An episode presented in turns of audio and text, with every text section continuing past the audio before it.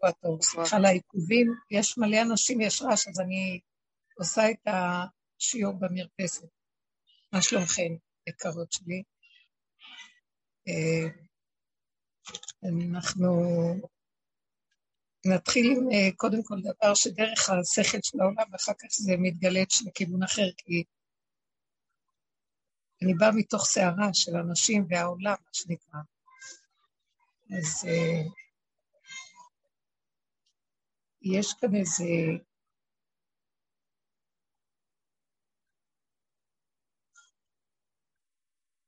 בתוך כל המערכת של ה... Uh, אני יכולה לקרוא למושג הזה בלעמיות. כל עץ הדעת והפגמים שלו זה הבלעמיות שלנו. במרכאות, יש בתוך האדם יסוד הבלעם, והבלעם הזה שבתוכו, הוא חייב להפך להיות משה רבנו. זאת אומרת, דווקא כל היסוד של הדרך שלנו היא דרך אה, חדשה-ישנה, היא דרך שלא הייתה ידועה בתוך הדורות, לא עבדו ברמה הזאת, אבל איך שעבדו זה היה על החלק הטוב שבעץ הדת, כדי לברר את העץ ולהגיע למקום של... אה, בתוך העץ עצמו להוציא ממנו את הניצוצות, כי חדרו לעומק. עכשיו, לקראת הסוף, הדרך שלנו היא בעצם מה שלוקחת את כל העבודות של כל הדורות ומפרקת את הדעת אה, לקראת היציאה מהדעת, שזה לקראת, לתוך המידות, השווה אל הלב. בתוך מה שאני רואה מהפרשה, אני ראיתי את עצמי בתוך הפרשה, וראיתי את הבלעמיות שלי, במרכאות, שבלעם, רב אושר היה אומר ככה,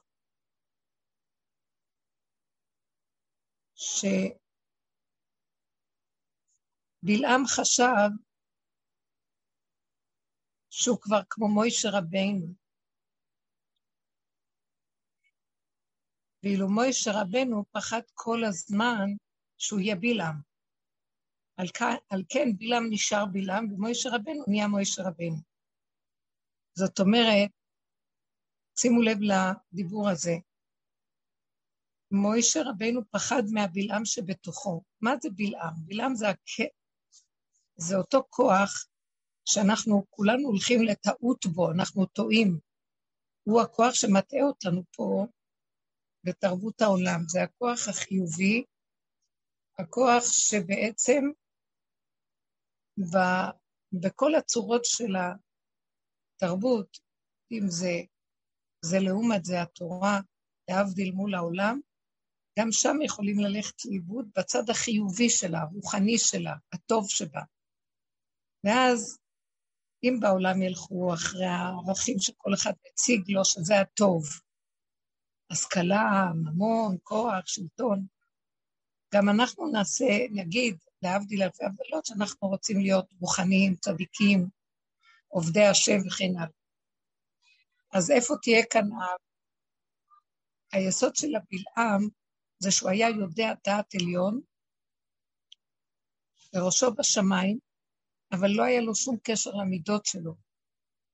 בין הידיעות הגבוהות הוא השתמש בטבע שהיה לו, טבע רוחני, טבע ששואף להכיר מה מעבר.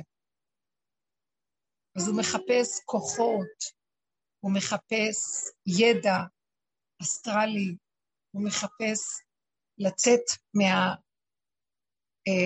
מהמציאות אה, של העולם ולהגיע לחלל, ולחפש בכוכבים, במזלות, בגרמי השמיים, הוא משתמש בדעת שלו כדי להגיע למקום של שליטה בדעת. זאת אומרת, הדעת שלו מובילה אותו למקום שממנה הכוח שלו.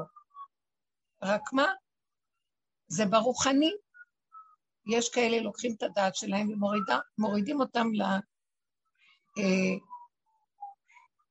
לתאוות, אה, או לכוחנות, או לממון. הוא התמקד ברוחני, אנחנו כולנו טועים בדבר הזה, ולהבדיל אלפי הבדלות. שגם בתורה יש ערכים אחרים ומצוות, אבל בכל אופן, גם שם אנחנו שואפים לחיובי, שואפים לגדלות, שואפים לרוחניות, שואפים לשמיים, ומעריצים את הידע ואת הכוח שמביא אותנו למערכות השמיים.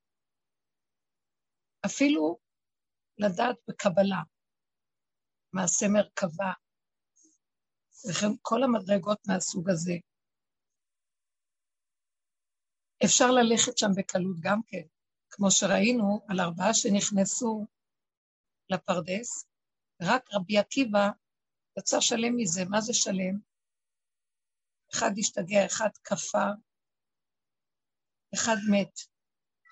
ורבי עקיבא יצא בשלום. מה הוא יצא? הוא לא השתמש בדעת שלו כשהוא נכנס. הוא לא חיפש מדרגות. הוא נכנס לכל המדרגות בעליית הנשמה שהם עשו. אה, והוא נכנס בלי דעת, הוא נכנס רק כמו ילד שמטייל ומתרשם ורואה מה שהוא רואה ולא יודע מה שרואה. בעוד שהשאר רצו לדעת, רצו להשוות את הידיעות שלהם למה שהם רואים שם. רצו להבין, אם היה להם סתירה זה שיגע אותם. או זה הביא לכפירה, איך יכול להיות? או שהם התפעלו כל כך מהאורות שאחד מהם מת, יצאה, נפשו יצאה. כאילו, מה שנקרא, פרחה נשמתו. זאת אומרת, הסכנות הרוחניות הן מאוד גבוהות. הסכנות של העולם בחיפושים הגבוהים, הם יכולים, חס ושלום, להיות חופפים גם כן למקום, בייחוד בדור שמחפש השכלות, כמו הדור שלנו. ולא רק שהוא מחפש השכלות, הוא סוגד להשכלה, לדעת, להבנות. השכלות כאן זה אצלנו הטופ. כולם משכילים, כולם לומדים, כולם משיגים תעודות, כולם שואפים, וזה בדיוק הנפילה. איך רבי עקיבא יצא? כי הוא לא נכנס עם הדעת שלו, נכנס עם הלא יודע, עם הפשטות החווייתית, הילדותית, פשוטה.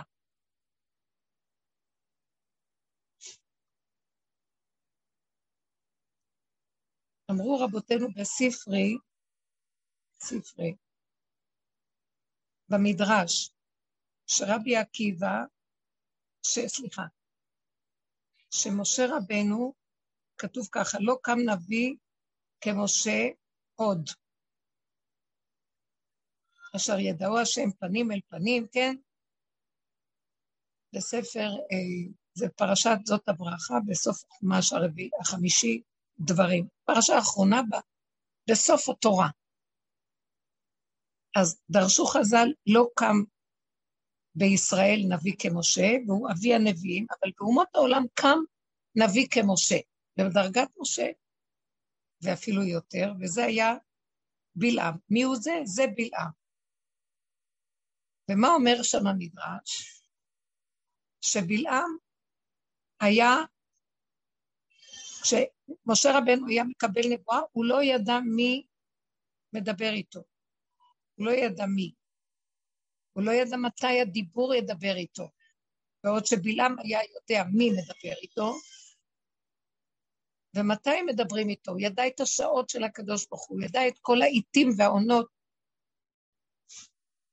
והיה מכוון לפי זה, אם זו שעה של רוגז, הוא ידע, ידע את התכונות של הכוכבים והמזלות גרמי השמיים, והוא השתמש בשכלו לתחמן ולהבין ולהסתכל בדברים ולה...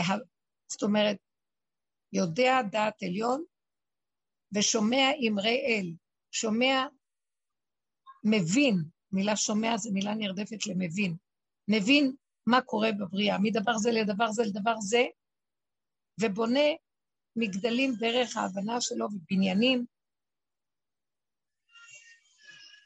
ובתוך כל המקום הזה מתחמן ומשתמש בכוחות הבריאה, שזה גדר של כישוף, של ניחוש, כשפים. ואז בואו נשמע. אומר לנו המדרש בעצם שבלעם כביכול יודע ומשה לא יודע. כמו כן, הסוף של המדרש אומר שמשה מקבל את הנבואה כשהוא עומד, ובלעם כאשר הוא נופל. רק כשמתמוטט לו הגוף והחושים שלו מתפרקים לו, אז הוא מקבל נבואה. אז נראה כאילו המדרש אומר שבעצם בלעם היה במעלות יתרות ממשה, אבל לא לזה מתכוון המדרש, רק לפי החלק האחרון נדע. ואז כל מה שהמדרש אומר זה מצד המעלות של משה רבינו. שבלעם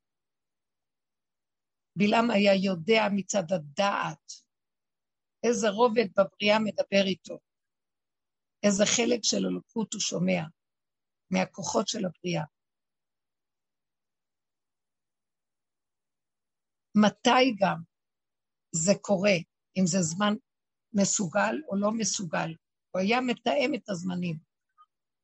אבל מוישה רבנו לא היה יודע. מדרגתו של משה רבנו היא הרבה יותר. הוא לא פעל כדי להשיג דרך הדעת של עץ הדעת הרוחנית הגבוהה. הוא ביטל את דעת עץ הדעת, וההשגה שלו באה ממקום אחר. ההשגה שלו באה ממקום של לא יודע, רשע דלית ידה, מיסוד, מעל הבריאה, מעבר לעולם הבריאה, זה עולם שהשורש של הבריאה, עולם האמונה, לא יודע, לא מבין, אין לי השגה. והוא היה, מוישה רבנו גם היה כמו בלעם, דעתן גדול. הוא גם בתוכו של משה היה את הפחד שהוא כל הזמן יהיה כמו בלעם, שמתאווה לדעת ורוצה שהשם יגיד לו, לפי מה שהוא רוצה, כמו שראינו, שאברהם אבינו שאל את השם, כשהשם מבטיח לו את הארץ, לו ולזרעו אחריו, אז הוא אומר לו, במה אדע כי יירשמה? איך אני אדע שאתה נותן לי אותה? תן לי אות וסימן. זה כאילו הוא מנסה את השם. והשם לא אהב את זה. זאת אומרת, מדרגתו של אברהם אבינו, עוד שהייתה לו דעת, הוא היה חכם גדול וחוקר גדול, הוא כתב את ספר יצירה, הוא הבין בכל סודות הבריאה, בכל כוחות השמיים, מצטגנין גדול הוא היה, ואסטרולוג גדול, והוא ראה בכוכבים שמזלו לא מוליד, וכן הלאה, ואת אשר אמר לו, צא מהצטגנינות שלך. זאת אומרת, היה לו עוד את התאווה לדעת, להשכיל ולהכיר את השם בצורה הרוחנית של הלימוד וההשגה וההבנה והחקירה, אבל הוא לא השיג אז עדיין את מעלת משה רבנו שהיה, לא, שידע בדיוק כמוהו ויותר, אברהם אבינו לפחות, ובסוף הוא ביטל את כל דעתו והביא אותה למקום של הלא יודע. לקח עדות, איך, איך הוא עשה את זה? הוא הוריד את זה לפגם שלו, הוריד את זה להכרה שהוא לא יודע. איך מגיעים להכרה שלא יודע? אדם שיושב בדעת, שישנן עד מחר ויגיד, אני לא יודע כלום. אבל הוא כן מרגיש שהוא יודע. הוא כן אה, מרגיש במעלותיו של הידע. אז מה הוא, מה הוא מספר לנו? כי הוא מחכה את זה בצורה של ענווה, אני לא יודע כלום, עוד לא התחלתי לדעת כלום, מה שאני יודע אני לא יודע. הוא בא עוד ממקום של דעת, אבל כשאדם יורד לפגמו ושם את מציאותו בתוך פגמו, שהוא לא יודע. תקשיבו, אני במצוקה גדולה. אני מדברת אליכם, ואני חייבת להשתמש בדעת לדבר איתכם, ואני לא רוצה להשתמש בזה. אז אם אני לא אשתמש, אני אשב עכשיו ואשתה קפה ולא יהיה לי מילה להגיד לכם. ואם אני אכנס לזה בשקט בשקט לבד עם עצמי,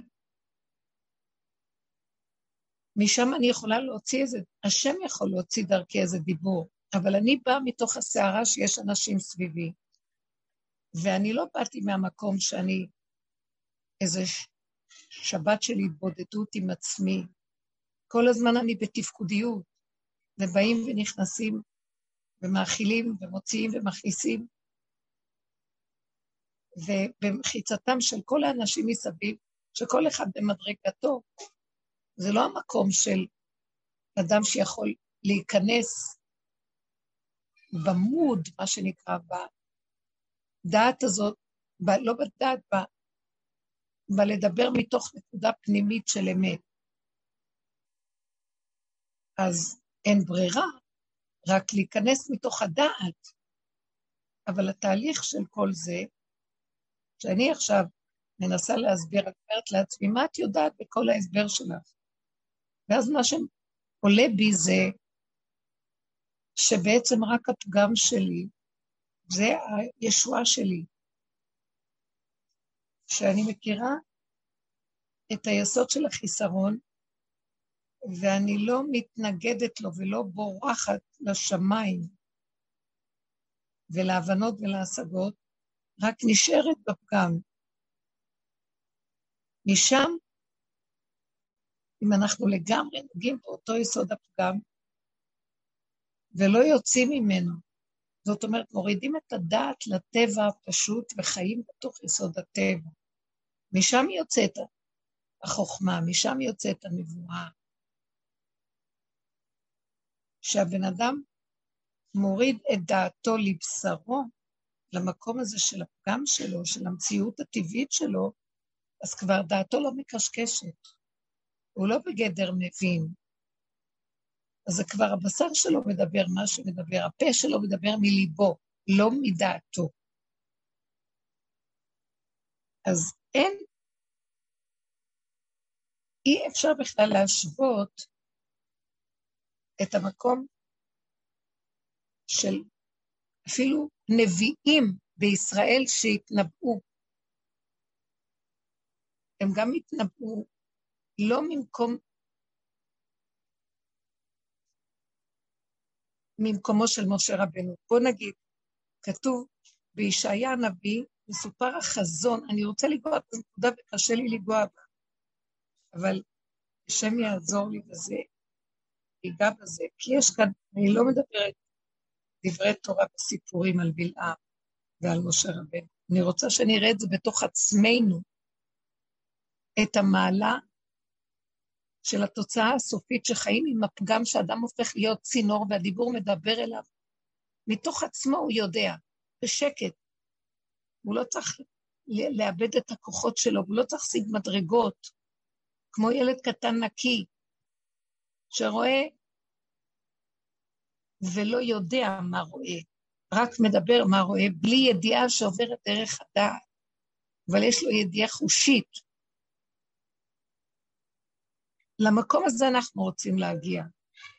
והעבודה שלנו בסוף כל העבודות, של כל הדרכים, של כל הדורות, כל הגלויות, חייבת להביא מחדש את מקום הנבואה והמלכות, שזה שתי הכוחות שהם הכי חשובים הם כלים לגילוי מלכות השם, הנבואה והמלכות, גם הכהן הגדול, אבל זה ביחד. נביא מלך וכהן. אלה הכוחות, כהונה עוברת בירושה, ומלכות בית דוד עוברת בירושה. והנביא זה הכוח שכל אחד יכול להשיג אם הוא נוגע ביסוד הפגם. והסכנה שלו תמיד ושלנו בתרבות כמו שלנו, זה דווקא הדעת הרוחנית והגבות של הדעת והגדלות של הדעת והרצון להשיג ולהגיע והתאווה להשכלה, להשכיל ולהשיג תעודות, כל הדבר הזה, מונעים את יסוד הנבואה, זה בדיוק הפוך. רק להישאר, להוריד את כל הדעת, אמנם אנחנו בגלות כן מאומנים ללמוד ולדעת, זה כל מה שנתנו לנו בגלות, ללמוד וללמד, לשמור ולעשות ולקיים. וזה נקרא גלות, שאנחנו לא חיים בתוך היסוד עצמו, אנחנו רק יודעים את הדבר. אבל אנחנו לא מורידים את הדת הזאת למידות, כמו שראינו אצל בלעם. תכף אני אדבר על ישעיה. בלעם, כל כך דעתו גבוהה ורוחני, ואף לא בכל מיני אווירים של השגה ורוחניות וריחוף, והוא לא מחובר לטבע שלו, עד כדי כך שהוא מתנכר לגוף ולטבע, שהוא ישמש עם האתון שלו מתחת לרמה הטבעית של גוף, רק כדי לא להיכנס בתוך הגוף, כאילו הוא גבוה מהגוף, אבל הוא בעצם גונב את דעת עצמו ומשתמש באתון שלו, כמו פרעה שהיה יוצא לפנות בוקר, שלא יראו אותו אנשים שיוצא להתפנות ליד היאור, כאילו הוא מלך, כזה עליון שלא צריך להתפנות, כאילו הוא איזה כוח עליון, מלאך. וזה גנבת דעת נוראית, כי לא נוגעים בפגם שלהם, לא נוגעים באין אונים, לא נוגעים בגבוליות של הלא יכול. בואו אני אסביר עוד דבר. אה, ישעיה הנביא היה רואה, ראה באחד החזיונות שלו את השם, וארא את השם והוא יושב על כיסא גבוה. ואז מנשה המלך שהיה בדורו, קרא לו ואמר לו, תגיד, אתה יותר ממשה רבנו שכתב בתורה, שהשם אומר לו, כי לא יראני האדם וחי, ואתה אומר שאתה רואה את השם בנבואה שלך? איך יכול להיות שמשה רב, רבך לא, לא ראה את השם? כי לא יראני אדם וחי, ואילו הוא אמר לו, השם, הראני את כבודך. ככה אמר משה להשם, והשם אומר לו, לא יראני אדם וחי. ואילו ישעיה כותב, וארא את כבוד השם, יושב. כאילו, הוא ראה את כבוד השם, ומשה לא רואה. הראני את כבודך, אומר לו, לא, לא יראני אדם וחי. אז מנשה אומר לו, אתה יותר? הוא הרג אותו בגלל זה. ושהיה לא ידע מה לענות לו. ואנחנו צריכים כאן להבין, רש"י אומר על, על הדבר הזה, כל הנביאים מתנבאים ויודעים שהם מתנבאים ויודעים מאיפה הנבואה שלהם. באיזה רובד הם מקבלים את הנבואה. ומשה רבנו מתנבא ולא יודע מאיפה. שמתם לב למה שרש"י אומר כאן? משה הוא בבחינת לא יודע. וכאן ישעיה אומר שהוא כן יודע, זאת אומרת, המעלה של משה מעבר ליודע. וזה מקביל לעניין של בלעם. לכן אמרו שבאומות העולם כן היה מישהו בדרגתו של משה, אבל המדרש אומר לא כמשה. מדוע? כי משה הוא בבחינת לא יודע, ואז זה נראה כאילו בלעם יודע יותר ממשה. הוא יודע מי מדבר איתו ומתי השם מדבר איתו. באיזה זמן הוא ירד עליו, הוא כיוון את זה. ומשה רבנו לא, לא עבד עם המדרגה של הדעת, אז עם מה משה רבנו עבד? אנחנו לא קולטים ולא מבינים. אני רוצה להעביר את הנקודה הזאת. זה בנפשי ממש. תכירו, אנחנו, כל התכלית של הדרך הזאת, תקשיבו טוב טוב, כל התכלית של כל העבודות, של כל הדורות מסתיימת בעבודה של הדרך שלנו. מה התכלית של הדרך שלנו? לקחת את עץ הדת ולהפוך אותו לעץ החיים. לקחת את הדעת שכל הדורות יכלה להטעות בכל מיני צורות, ומותר, מותר לנו, ביהדות מותר לנו ללכת עם הדעת, ויש אפילו רוח הקודש שבא מהדעת, ואנחנו מקבלים מהדעת, ואין לנו רק הדעת, אבל התכלית הנרצית המושלמת ביותר. זה לקחת את עץ הדת, וכל הדורות התחילו בעבודה הזאת, ונדבך אחר נדבך לפרק ולפרק ולפרום ולפרק ולפרק, עד שנוגעים בבשר, עד הפגם שזה התכונה הטבעית הפשוטה, איך שהיא ככה, בלי להתגבר, בלי לעבוד עליה, בלי לשנות אותה, בלי כלום, ככה וזהו. זאת אומרת, אני כבר לא עומד מול העולם, כי אי אפשר לעמוד עם הפגם מול העולם.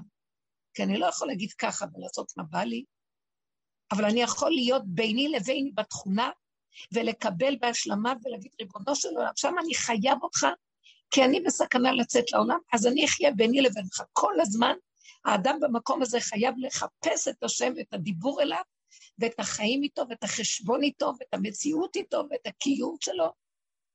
והוא נכנס למדרגת חיה ויחידה שבו החיה זה הפגם, והיחידה זה הדיבור והשלמה בגבוליות המושלמת שככה זה ואין משהו אחר, כלום, רק ככה.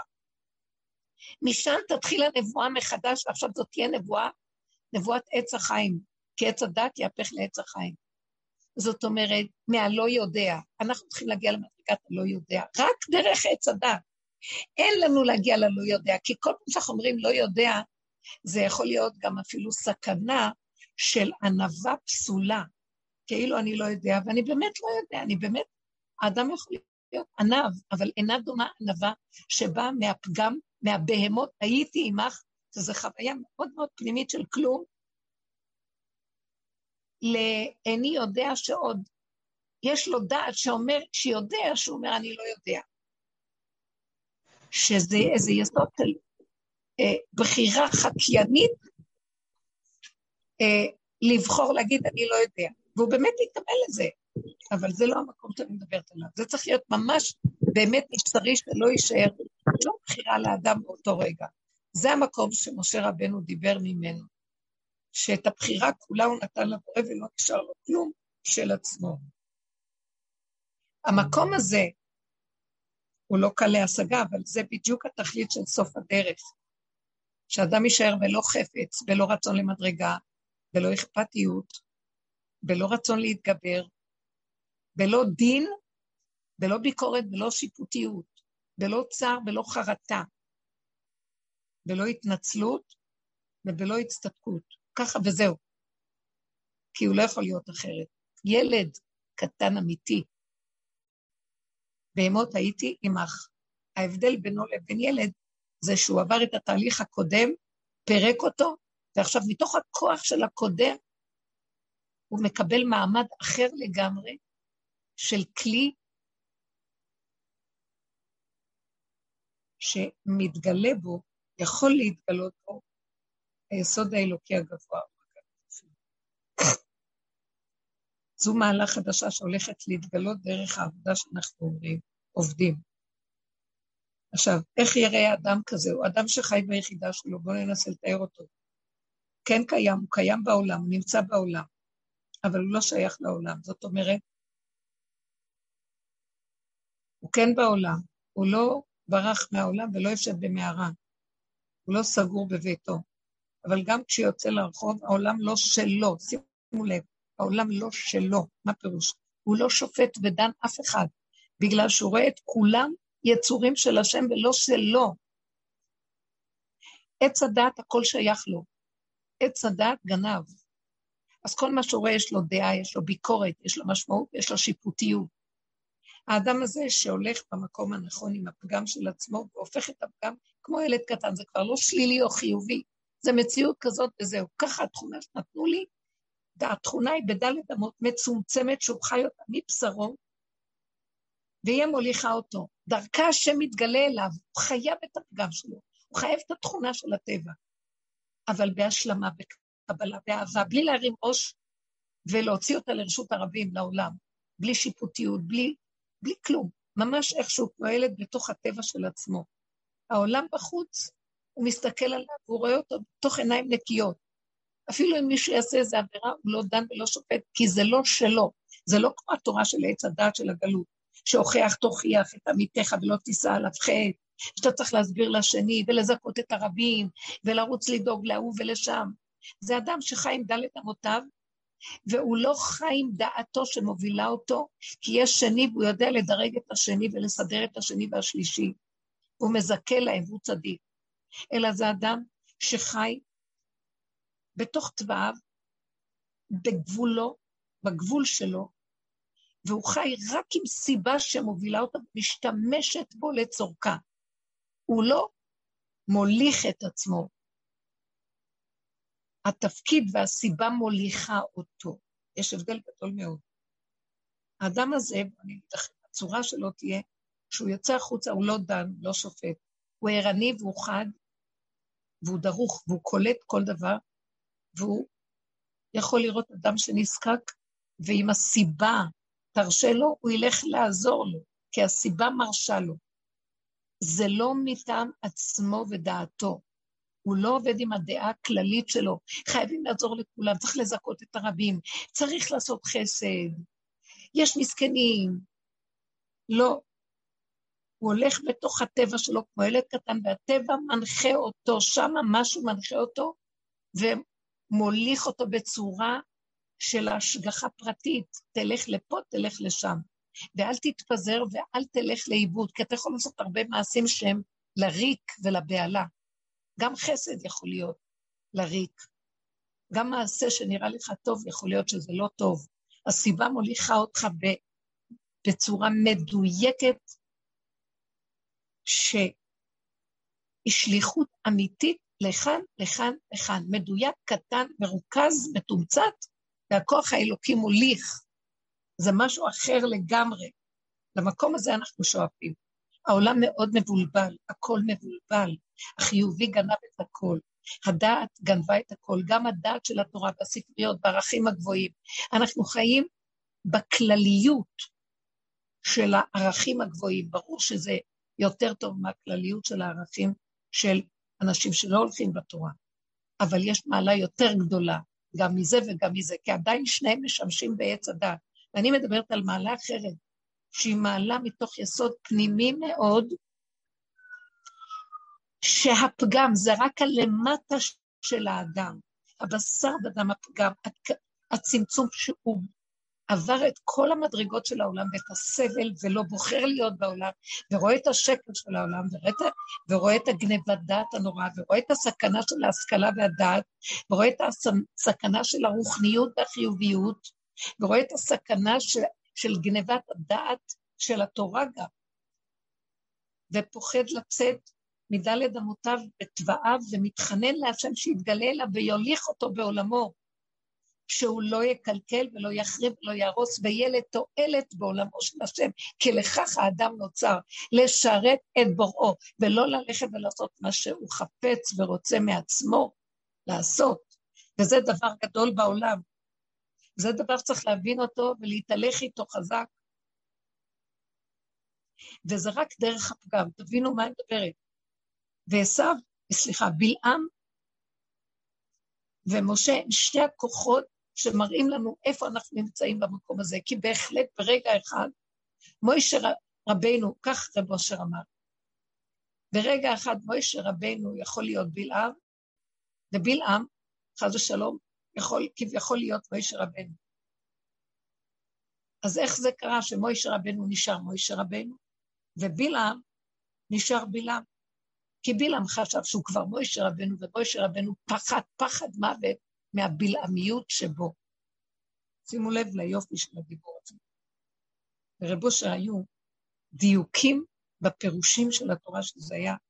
הוא אמר על הפסוק בקהלת, כי לכלב, כי טוב לכלב החי, מדייקת בדיבור, כי טוב לכלב החי מן אריה המת.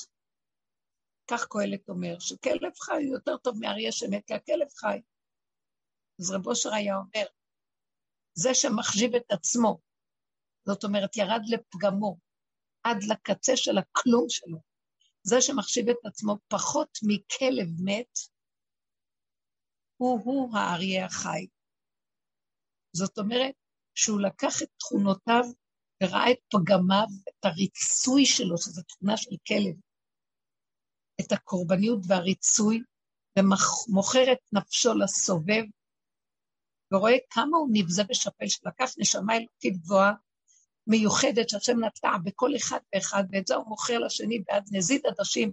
נכון שאני מותק, נכון אתה אוהב אותי, נכון תן לי יחס, נכון אני מקובל בחברה, נכון אני מקובל אצלכם, יש לי מעמד פה, אני מישהו פה, אנחנו מוכרים את החיים שלנו בעד קצת שהשני יעיף עלינו איזה מבט ויהיה לנו איזו הכרה חיובית מהעולם, שזה שקר וכזב הכי גדול. מזה כל הכאבים שלנו, כי אם לא ייתנו לנו כזה, כזאת הכרה, אנחנו מתים מכאבים. ואם האדם הזה עובד ורואה את זה, והוא רואה כמה הוא כלב, ואפילו יורד מזה פחות מכלב מת. זאת אומרת, גם כשהוא יורד והוא במדרגה שלו, הוא רואה גם שבתוך בתוך מציאות של, גם כשהוא לא מפעיל את זה החוצה, אין אנשים לידו, גם בתוך המוח שלו, החשבונאות שלו, ממיתה אותו עם הפגמים שלו על השני, על השלישי והעולם. וכשהוא מסתכל ואומר מי הוא בכלל, אין לו קיום, באותו רגע הוא יותר מהאריה החי, המת, כי הוא מתחיל להרגיש את החיות האלוקית. זאת אומרת, חיות האלוקית מחפשת מהאדם, כמו בפרה אדומה, שישרוף את מציאות דעתו, יישרף, ויהיה עפר, וגם אפר. אז עפר זה עוד כלב מת, ואפר זה פחות מכלב מת. וזה המקום שהוא קשה מאוד להגיע אליו. אנחנו מדברים גבוהה גבוהה כמובן.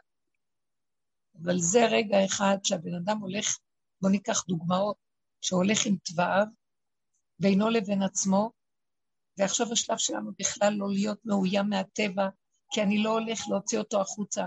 אני רק משתמש בו לבוראי.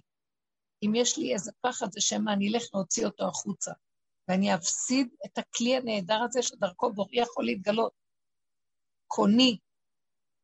זאת אומרת, את כל המציאות של השפלות העצמית שלי,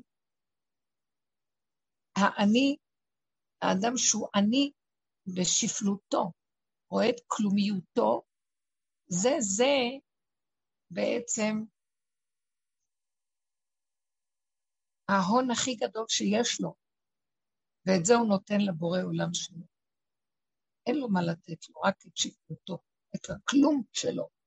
השם אומר, תן לי את הכלום, אז אני אוכל להתגלות עליך. אז מוישה רבנו הגיע למדרגת הכלום ונתן את זה לבורא עולם. ובלעם לא היה מוכן להישאר כלום, ומאוד קשה, קל לדבר. אנחנו כל כך בתרבות שרוצה הכרה, כל התקשורת, כל הקשרים החברתיים וה, והעולם, כל הזמן אנחנו זקוקים לאנשים, לראות אנשים, לדבר עם אנשים, להגיד לאנשים, להתייחס לאנשים. וזה בעוכרינו, כי אנחנו אחוזים בהם. ולמה אני זקוק להם? כי דרכם יש לי הכרה מי אני. אז הם, הם כלי שגונב אותי, זה איזה כלי שלישי.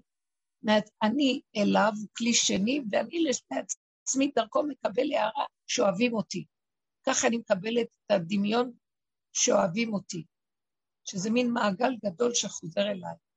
מהחרדה הקיומית שלי שאני כביכול בודד ואין אלוקים איתי, אז אני רץ לחפש את השני, שזה כבר הכלי השני, ומהכלי השני אני חוזר לעצמי, אה, קיבלתי הכרה, וואו, עכשיו יש לי חיים. כל הזמן אנחנו במעגל של כלב ששב על קיוב, טובעים בבוץ הזה, אחוזים זה בזה, אחוזים בחברה, אחוזים בהשכלה הדמיונית.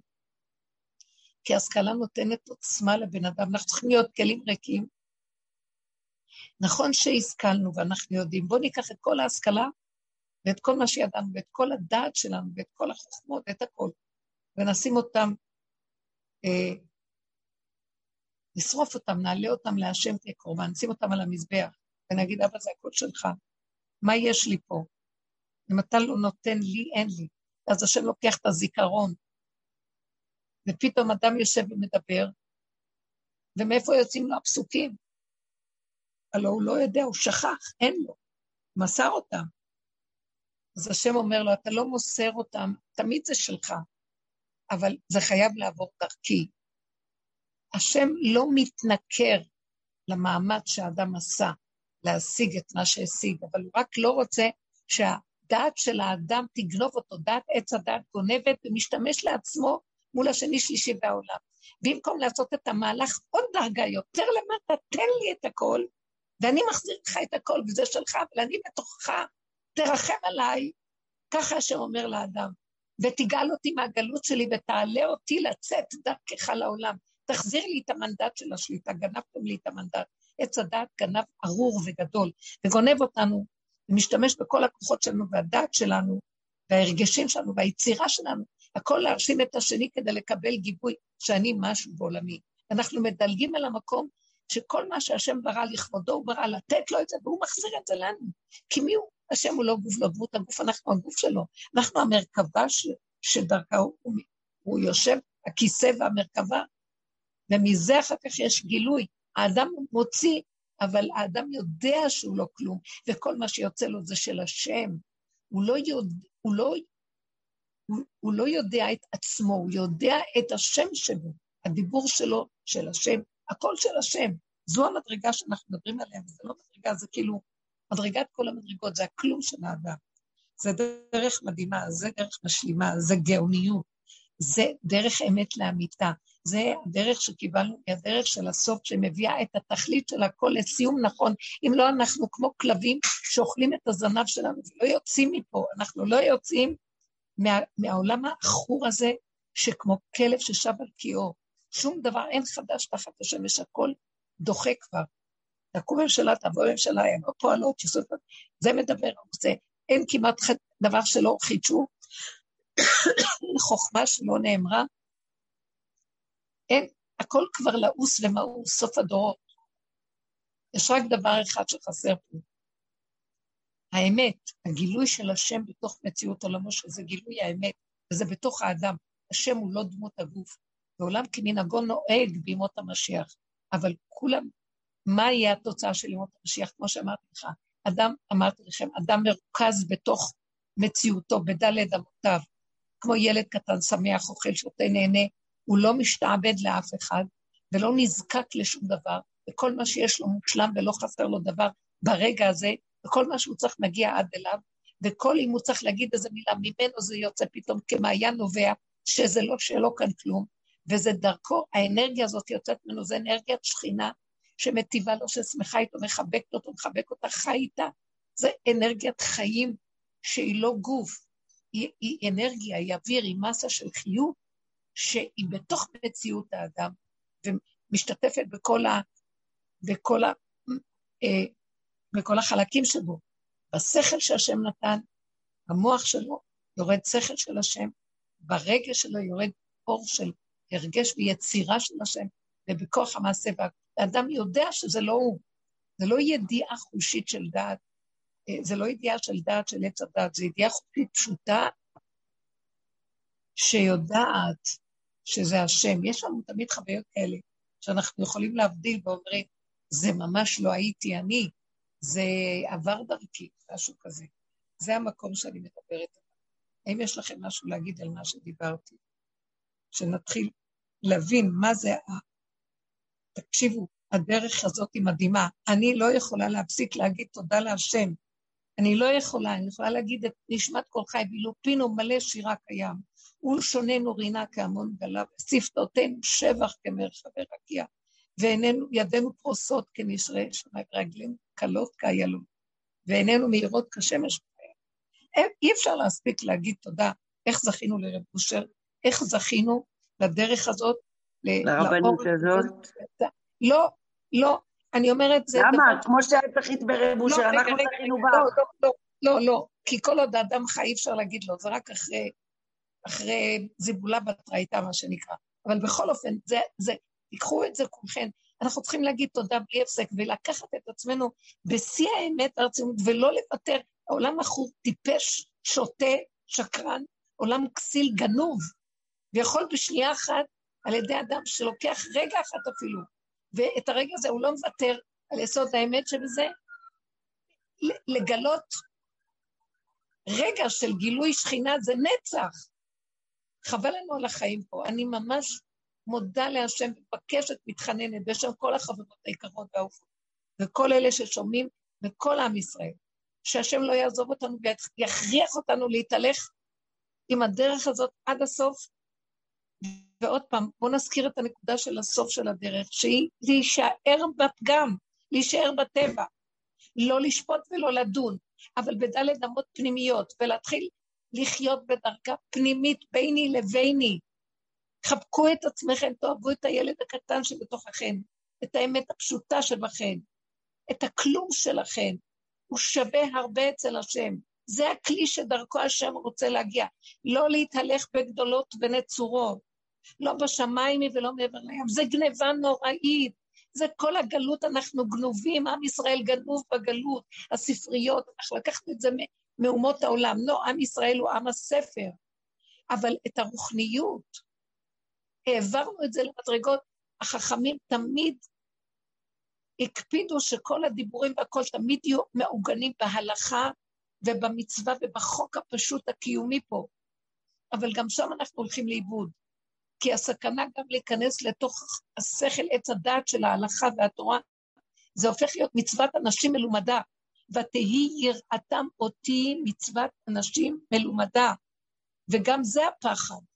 מכל הכיוונים עץ הדת זה פחד הכי גדול, או שואפים לריחופים הגבוהים, ואורות, והשגות, ומעשה מרכבה וקבלה ומה לא, או שהולכים בתוך התורה, בתוך ההלכה, במצב של כאילו חרדה ופחד ויראה של מצוות אנשים מלומדה, ורק לא נכנסים לקו האמצעי, שהוא קו הפגם, שאני לוקח את הטבע שלי, ויש לי יראה, יראה שלי שמא אני לא אחיה את תוואי, אני אוציא אותם החוצה, אני לא רוצה להיות צדיק יותר, אני לא רוצה להיות יודע וגדול, אני לא רוצה להיות רוחני, אני לא רוצה מקובל, אני לא רוצה מעשה מרכבה. אני רוצה להישאר ביסוד הפגם ולהיות כלי שפל נקי אמיתי של השם, שרוצה להיות, שדרכו יתגלה כל נשימה, כל רגע, בפעולות הכי פשוטות. וכשאני יוצא לרחוב ואני מכוון על איזה משהו קטן שאני עושה, אז ברגע הזה השם מתגלה ויש דבר הכי גדול באותו רגע, יותר ממאה מצוות שאני רץ עם שערה וחרדה כי יש לי תוכנית להשיג כמה שיותר מצוות, כמה שיותר חסדים, ולזכות רבים, וכל מיני מושגים יפים וגדולים, אבל הם גם מסתיימים. זה זיכוי היחידה, זה זיכוי הרגע, זה זיכוי הפרט, זה זיכוי הכלים. השם רוצה להתגלות ואין לו איפה, והוא צריך את המקום הזה. ואנחנו מבולבלים פה, הבלעמיות גונבת אותנו. ואל תחשבו שבלעם היה שם. כל רגע כל מה שיש בתורה ואנחנו קוראים, הכל כל רגע את יכולה לחפש את זה בתוך עצמך. גם את פרעה הרשע ראיתי בי. ראיתי את בלעם, ראיתי את פרעה, ראיתי את, את, את, את אחשורוש, וראיתי את נבוכדנצר, וגם ראיתי את אבימלך, כל הרשעים. וגם ראיתי את אסתר, וראיתי עוד כל מיני דמויות, וגם מוישה רבנו יכול להיות, אבל הכל בדרגות קטנות. והשאלה שלנו, מה אנחנו בוחרים, איפה אנחנו רוצים ללכת, כי הכל כאן גנוב בקלות. עד שהבחירה נגמרת, זה משה רבנו, הבחירה שלו נגמרה. הוא לא ידע, הוא בחר את המקום שאני לא יודע, לא יודע, לא יודע, ואז מוכרח להתגלות יסוד האמונה, כמו פרה אדומה.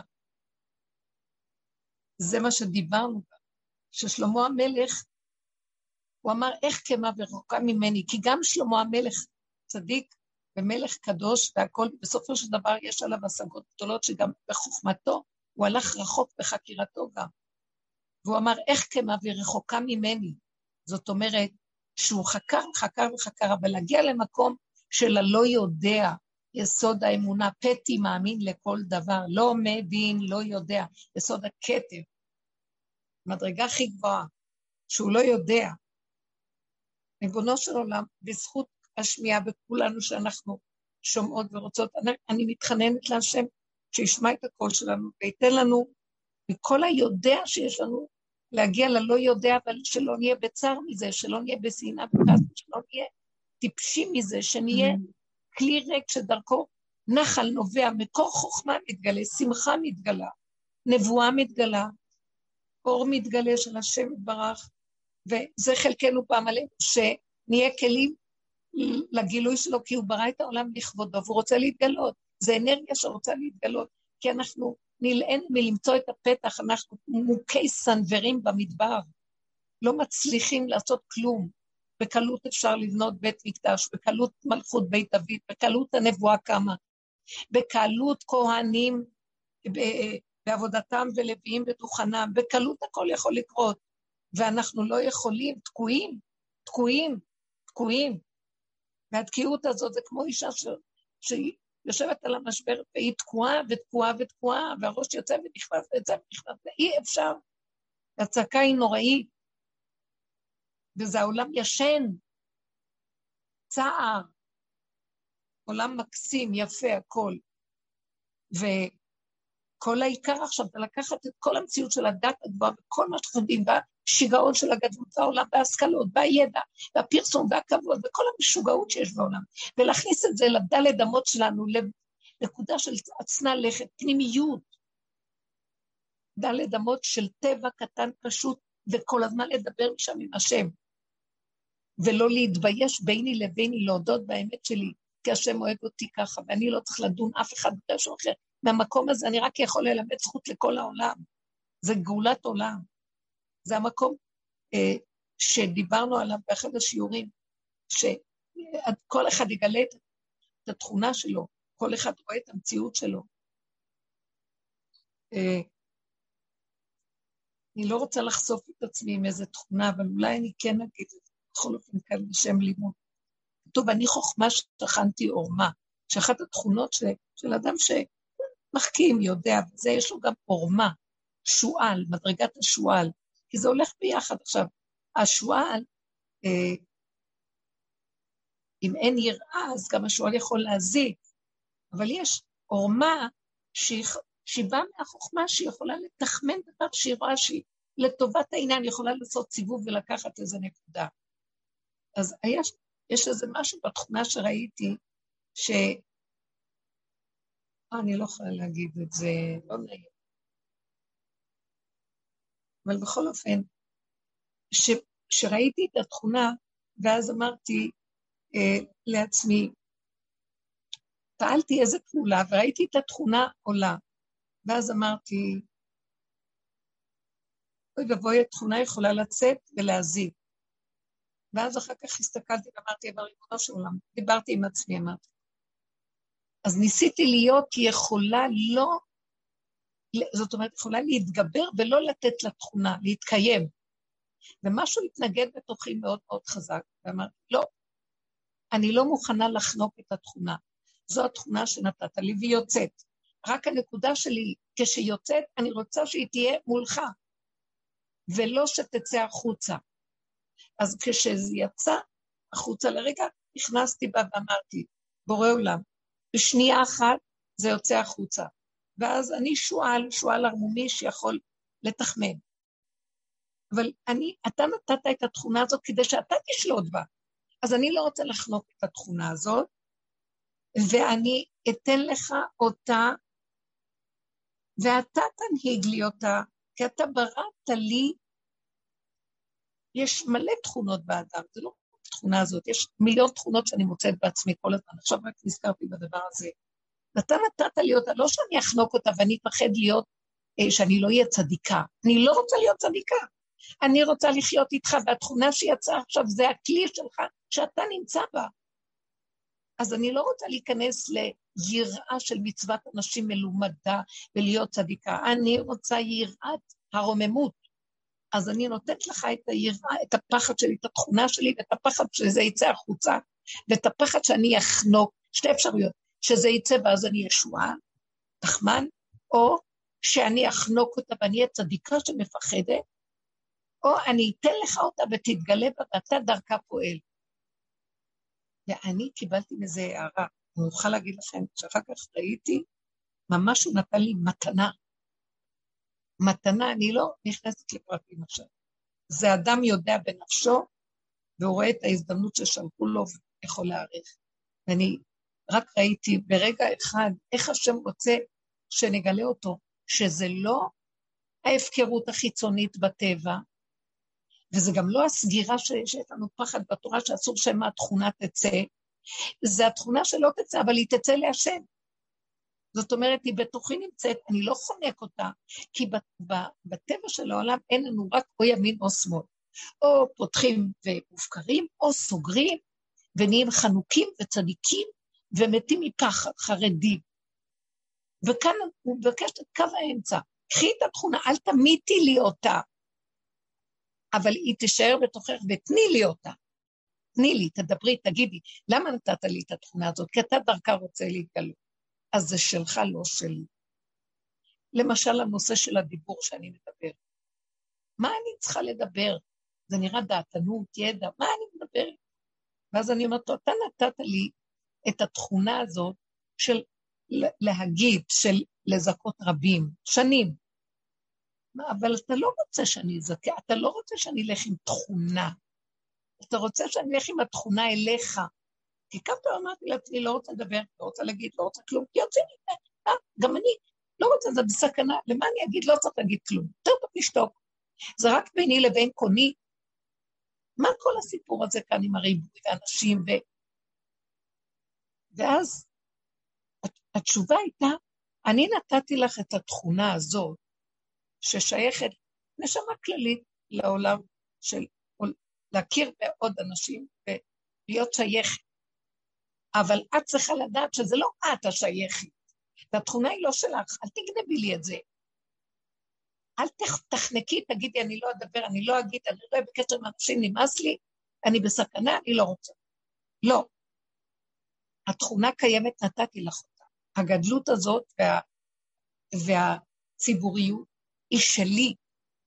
תני לי אותה, ואני דרכך אגיע לאנשים, ודרך הפה שלך, שלי אין פה, את מדברת דרך הפה שלי. כל אחד יכול, אני יכול לדבר מכל אחד, זה שלי, גם ככה אני מדבר מהם, הם חושבים שזה הם. אז תני לי את התחום, אל תברכי, שימו לב לדוגמה, אל תברכי ולהגיד, מה אני צריכה להגיד לאנשים, מה את צריכה להגיד, לא כלום, יותר טוב לי לשתוק ולא, לא. זו תכונה שהוא ברא, כמו השועל, הוא ברא את זה בשבילו. הוא צריך את הערמומיות הזאת לתחמן משהו בעולם. כמו שדוד המלך אומר, אם עיקש תתעקש, אם נבר תתבר, אם כבר תמים תתמם. זאת אומרת, התכונות שאני נותן, אני נותן אותן בעולמי, אבל לא שזה מעץ הדעת שלך שמתחמן את האנשים והוא ערמומי וגונב דעת, אלא תיקח את התכונה, אני דרכך יודע לשלוח אותך, תתחמן את זה, תסדר את זה, תסובב מכאן, תיקח מכאן. זה אני דרכך מסדר. כמו שאסתר... זה אני, זה אני, ימינו שמאל תפרוצי ואת אדוני תעריצי. מה? תגידי עוד פעם. ימין ושמאל תפרוצי, מה אני אגיד עוד פעם את שם השם? ואת אדוני תעריצי. בדיוק את שם השם, בדיוק את האדון הזה. בדיוק. זה קו האמצע. זה בדיוק קו הנקודה שאנחנו צריכים להבין אם אין, אם אנחנו בורחים מהטבע וסוגרים ונהיים צדיקים, אנחנו מפסידים אותו. וזה מה שהגלות מבינה מהשם. כי אנחנו מפחדים מהעבירות, מכל מה שקורה בחוץ. אז לא שאנשים חונקים, חונקים, חונקים, ובסוף בדור האחרון מפקירים, מפקירים, מפקירים, ומאבדים. אז אנחנו לא רוצים להוציא, אבל אנחנו רוצים כן את החוויה של התכונה, והיא מתפוצצת בתוכנו, וצריך לקחת אותה ולדבר אותה ולהיות אותה ולחבק אותה ולהגיד להשם, תיכנס בה, זה שלך, לא שלי, ואז הוא משתמש בתכונה לכבודו, ואז הוא משתמש בדיבור לכבודו, בתקשורת עם אנשים לכבודו, וזה לא אה, פרסום עצמי וזיכוי הרבים של שטויות כבר, זה כבר לא עובד פה היום. הכל בדרגת היחידה, ומאחד לאחד לאחד, נר אחד מדליק רבים. את הולכת ברחוב, את אומרת מילה, חמישים אנשים עכשיו יכולים לקבל אותה, ולא נדע איך העולם מתבשם מהדיבור הזה של השם, או פעולה או תנועה. עכשיו, זה לא מה שהמוח עושה. כמה אנשים היו בשיעור? כמה מצוות עשית היום? אה, איזה חסדים הלכת ועשית? זה לא מספרים, זה לא מה שהמוח סופר ומונה. זה רגע, זה נקיות של מידה של טבע נקי. שימו לב, מה זה טבע נקי? הטבע שאני יודע שהוא קיים אצלי, אבל אני כבר לא יוצא איתו דרך המוח, אלא אני דרך המציאות מכניע אותו להשם, וזה נהיה מדרגת היחידה. אדם כזה שחי ככה, הוא חי כל רגע עם השם, הלוואי ונזכה לזה. כשהוא הולך בדרך, לכתך בדרך, שוכבך בקומך. הפעולות שלו הן פעולות מהמקום הזה. אה, אפילו אם יש רגעים שזה רצון ושוב, זה לא בדיוק כל הזמן, אבל בכל אופן, זה המקום שאנחנו שואפים אליו, ולשם אנחנו רוצים אה, לא לצאת משם, זה הדירה שלנו. אנחנו עושים לו שם דירה, מכון לשבטך פעלת השם, מקדש השם כוננו ידיך. יתברך רצה אמן. דירה, הוא רצה דירה בתחתונים, וזה אני, זה את, אנחנו. כאן הוא יושב בטבע של הדבר. זה רב אושר, זה גאוניות. לא הבנו אותו. מה זה הטבע? זה כולם בורחים מהטבע, וכולם רוצים נעלות. בילום, בילם היה יודע דעת עליון, שומע אמרי אל, מה זה? חוזה מחזה שדי. גילוי עיניים נופל, מה זה הדבר הזה? מה זה? זה, זה מדרגות, אז אתה עומד ומתפעל, איך אחד גוי כזה הצליח שהשם היה מדבר איתו, וגם בתוך כל זה הוא היה רשע. איך יכול להיות? שימו לב מה קורה פה. ובקלות שזה כולנו, אנחנו שם. מלאי דעת, מלאי רוחניות, מלאי השגות, ויודעים לחטט במדרגות הכי גבוהות, מה לא, ואורות יש לנו ושואפים לאורות, ומדיומים אה, כולם נהיו, מתקשרים עלק, גנבים כולנו, סכנת מוות, ורוצים כוחות, ורוצים להרגיש שיש לנו כוחות. זה גניבה נוראית. מוישה רבנו לא, היה לו כוחות. הוא ויתר על הכוחות, ויתר על זה שהוא יודע. הוא נשאר בכלום. אתם יודעים מה זה? הוא רצה להיות רועה צאן, ברח למדבריות. תקשיבו, מוישה רבנו גדל בביתו של פרעה, הוא היה נסיך גדול. אחר כך כשהוא הרג את המצרי, הוא ברח מבית פרעה. כי רצה להרוג אותו, פרעה. ברח לאן? לכוש, ככה אומרים חז"ל במדרש. ארבעים שנה מסתובב בכוש, הייתה ארץ מאוד גדולה, אז כל, כל העולם המערבי לא היה, היה רק העולם המזרחי. אז הוא היה שם במזרח. היה מלך גדול בכוש, עשו אותו מלך. מה זה ארבעים שנה? יותר, שישים, אה, חמישים, שישים שנה. עד שהשם פוגש אותו בסנה. והוא יושב שם, תקשיבו, מלך, אה, אסטרטג גדול, אה, שליט, בטח היה לו מכל טוב העולם. בסוף הוא ברח מהכל, נמאס לו מתחכי החצר וכל השקר של העולמות, והוא הולך למדבריות לראות צאן, ולא רוצה לצאת, אומר, עזוב אותך מהעולם, לא בא לי על העולם, לא רוצה עולם, שותק לו בעולמות העליונים, רואה את הצאן במדבריות, גם במדרגה אחרת לגמרי מהעולם. הלך, השם פוגש אותו שם במדבר, בסנה, מתגלה אליו, ורוצה לשלוח אותו לשליחות, אה, לגאול את עם ישראל. הוא לא רוצה ללכת, לא רוצה. עזוב אותך, לא רוצה דעת, לא רוצה כלום, עזוב, לא רוצה להיות בעולם, אני רוצה פעולות פשוטות. גם הרוחניות של לשוטט בעולמות עליונים, הוא גם כן השיג שהדבר הכי פשוט זה איך שהוא חי בפשטות שלו יותר טוב לו מהכל. את זה השם חיפש. והוא מנסה לברוח מהשליחות הגדולה, כי כבר לא חיפש גדלות, לא חיפש ציבוריות, לא חיפש עולם. היה לו טבע של ציבוריות, הוא היה מנהיג בטבעו, לא מחפש שום דבר, כי הוא חי את סכנתו ואת הבלעם שיש בו, בקלות שיכול להיות. מה זה, מה זה החצרות של המלכים הקדמונים? הם היו חכמים, היו שם כל מיני חרטומים וכל מיני, כל היועצים והחכמים הכי גדולים, אה, הם, הם לא היו אנשים פשוטים, הם היו יודעים בכל החוכמות של השמיים והבריאה והכל, אבל הם היו סוג של מדענים חכמים גונבי דעת, מעץ הדעת, או בילעם, הוא גם היה אחד מהיועצים של פרעה. והוא בחל בכל זה וברח להיות בכלום. מהכלום הזה, את זה השם רצה ממנו. או אתה ראוי ללכת להיות גואל. למה? כי אתה כלום. הוא אומר לו, תעזוב אותך, אני לא יודע לדבר.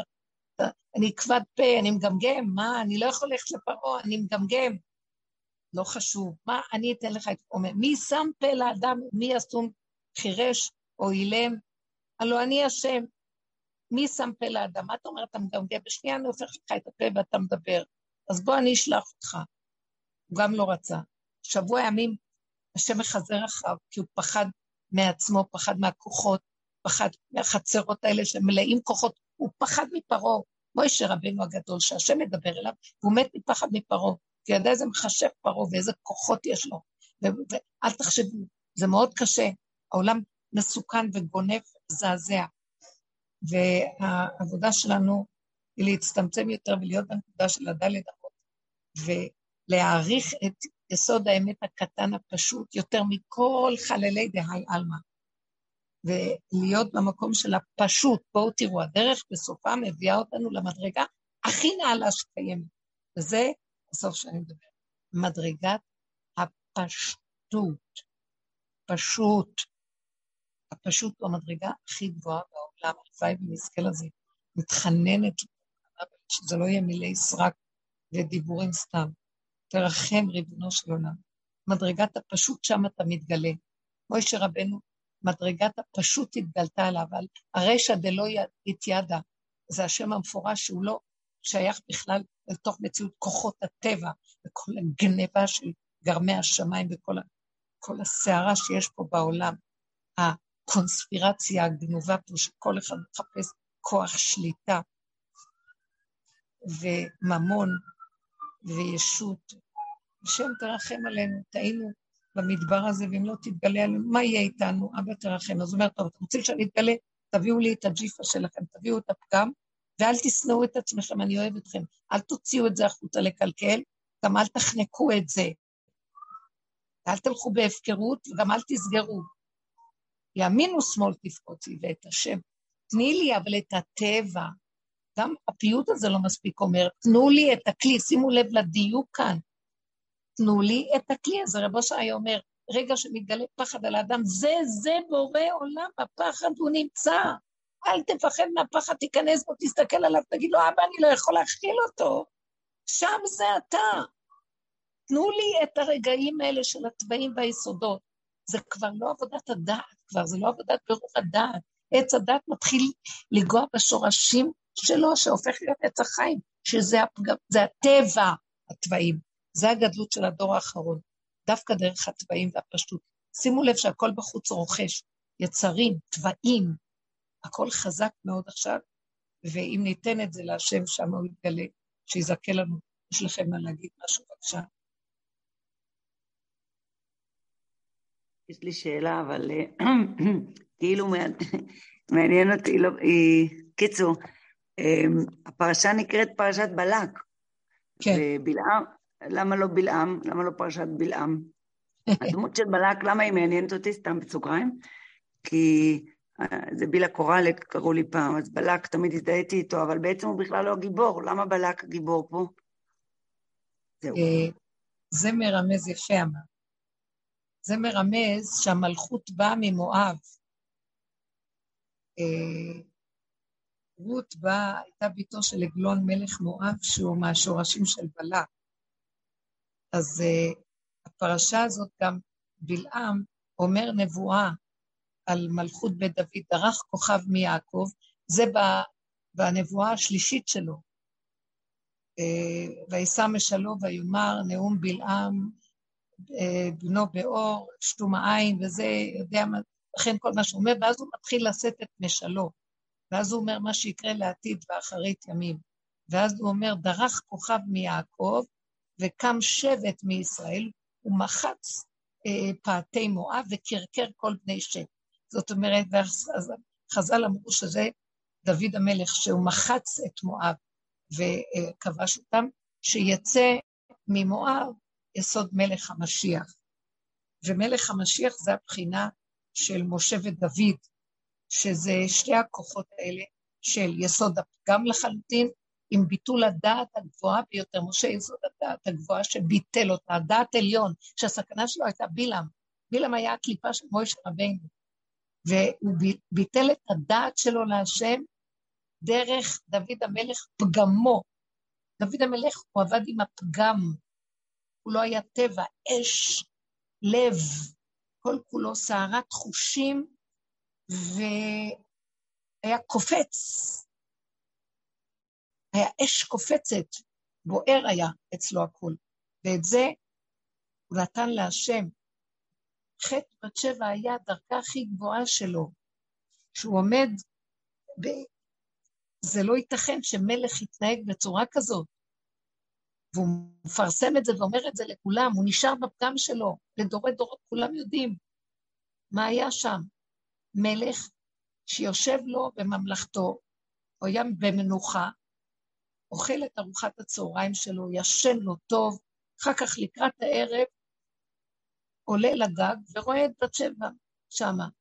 ואז כל הסיפור, היא בעצם הכינה את עצמה לקראת זה שיבוא בעלה, אה, שהיה אוריה החיתי משדה הקרב, שהוא שלח את החיילים לשם, ואז הוא הלך גם כן, היה אחד המפקדים והלך, אז הם, הוא בא כאילו, אה, עשו שם חלופה כדי לבוא ולחזור. ואז אה, הוא ראה אותה, והוא תכנן את כל הסיפור, הוא רצה אותה. אז הוא, תקשיבו, איזה סיפור, זה סיפור מזעזע, אי אפשר אפילו אה, להיכנס בו. אוריה החיתי היה כל כך נאמן לדוד המלך, לפני שהוא נכנס לביתו, אחרי שהוא לא היה שם איזה חודש, תקופת מה, לפני שהוא נכנס לביתו לפקוד את אשתו, אז הוא הולך לדוד המלך.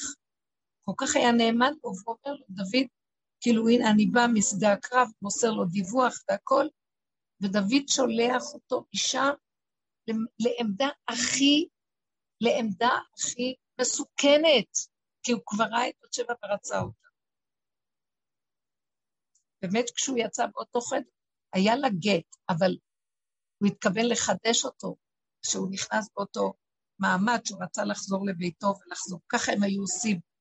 בית דינו של דוד המלך נתן גיטים ליוצאי צבא, כדי שלא יהיה חס ושלום אה, שנשים לא תישארנה עגונות. ובכל אופן הוא שלח אותו, ואז הוא החזיר אותו ישר למפקדה, במקום שייתן לו להיכנס לבית. זה סיפור לא פשוט, אז הוא לקח את בת שבע, עכשיו אוריה החיתי מת במקום היותר מסוכן, וזה סיפור קשה, ככה נוהג מלך ישראל, למרות שבמדרש אמרו שהוא ידע שזה הזוגה בת זוג שלו, וגם כן יש מדרשים על הסיפור, שאוריה החיתי היה מנושא כליו של גוליית, שהוא הרג, שהוא זה שאמר לו, תן לי את החרב שלך ואני אהרוג את גוליית. אז הוא אחר כך התגייר ונהיה יהודי, והוא נתן, ובת שבע התחתנה איתו, שהייתה, בת שבע הייתה אה, הנכדה של אחיתופל, אז היא התחתנה עם אוריה החיתי. אבל היא הייתה, במדרש כתוב, מה אתה מבטיח? הוא אמר לו, דוד אמר לאוריה החיתי, כשזה היה אה, מול גוליית, אם אתה תחתוך לו את הראש, אני אתן לך בת ישראל. אם תיתן לי את החרב שלך לחתוך, אני אתן לך את בת ישראל לאישה. אז הוא גייר אותו ונתן לו את אה, אה, בת שבע. אז המדרש אומר, מי נתן לך רשות לתת את בת ישראל לגר, כאילו, לאחד שעוד לא היה ברור? נתנה את זה בדיוק. בקיצור, הוא ידע שהיא בעצם צריכה להיות בת זוג. על כל מקרה, עם כל זה, בא אליו נתן הנביא ומוכיח אותו על הסיפור הזה, והוא ישר נשאר בפגם שלו ומודה בו, נכון, אני מקבל שזה מה שאני עשיתי, וזו המציאות שלי, שחוטא ופושע אני, שחטאתי נגדי תמיד, כי חטאי אני אדע ופשעי כנגדי תמיד. זה מה שאמר. וזו הנקודה שמשם, איך השם הבטיח מלכות בית דוד לנצח בזכות דוד המלך, לכל הדורות שלו. טוב, מלך, הוא היה מלך, ואחר כך תבוא שושלת אחרת. מלכות בית דוד נצחית, ועבור המקום הזה של דוד הסכים לרדת לשיפלות והביזיון הכי גדול, להודות בפגמיו, ולא לתת לזה ממשות של גדלות דעתנית ובושה מה יגיד. זה היה הכוח שלו, אה, שהיסוד שלו ירד עד למטה למטה, כי בזה הוא הרים את השכינה ונתן לה קיום, גילה אותה דרך הפעולות שלו והפגם של מציאותו. טוב, זה כבר הרבה פרטים, והנקודה שלנו לחזק ולהגיד שבסופו של דבר, אה, אני לא זוכרת, בילי, מה שאלת, האם קיבלת תשובה על זה? שאלתי לה על בלק, האמת שלא, אה, על אה, בלק, למה? כן, אבל בלק זה היסוד של דוד המלך, ולכן, שבלק בסופו של דבר הוא היסוד של המלכות שנגנבה מדוד, מהשורש של המלכות, שה, אה, שמלכות בית דוד היא גנובה מהאומות העולם. אומות העולם גנבו את המלכות של האמת, כאילו בחינה של השכינה, ושולטים בה במקום שהיא תשלוט. ודוד המלך החזיר את המלכות הזאת, ולכן זו פרשה שקרויה בעצם על שמו, כי משם התחילה, ומשה רבנו, שהוא הנבואה, אמרתי לכם שה, שהשם יתברך מתגלה בשני הכלים הגדולים האלה, מלכות ונבואה. אז המלכות היה דוד המלך ובלק, והנבואה זה דרך משה רבנו.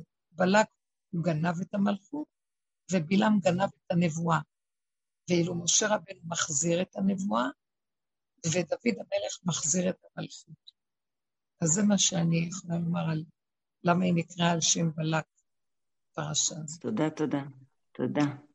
בסוף הרגו את uh, בלעם ולא יצא ממנו כלום, ומבלק יצא, שימו לב גם לזה, מבלק יצא דוד, היה צריך להמשיך לחיות, ואילו בלעם הרגו אותו.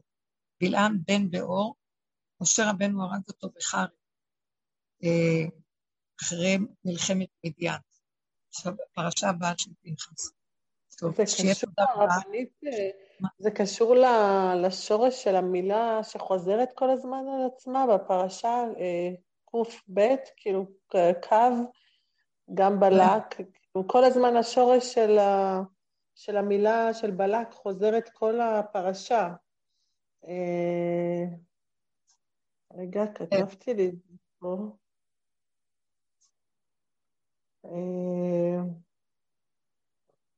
כמו אה, בלק אותיות לקוב, כאילו שזה גם אה, חוזר על עצמו המון בפרשה, האותיות האלה בברכה. כן, אה, עצם בחינה של קללה. כן, כן מקווה. כן, זה אותיות האלה. נקב, נקב, מקווה. כן. כן, אני לא מבינה בזה. כן, זה שורש רשעים. תודה רבה. שבוע טוב. שבוע טוב. חן וחסד ברשעים. חזק, חזק. תודה. תודה. עד 120, אלופה. כיף, תענוג. תודה. תודה.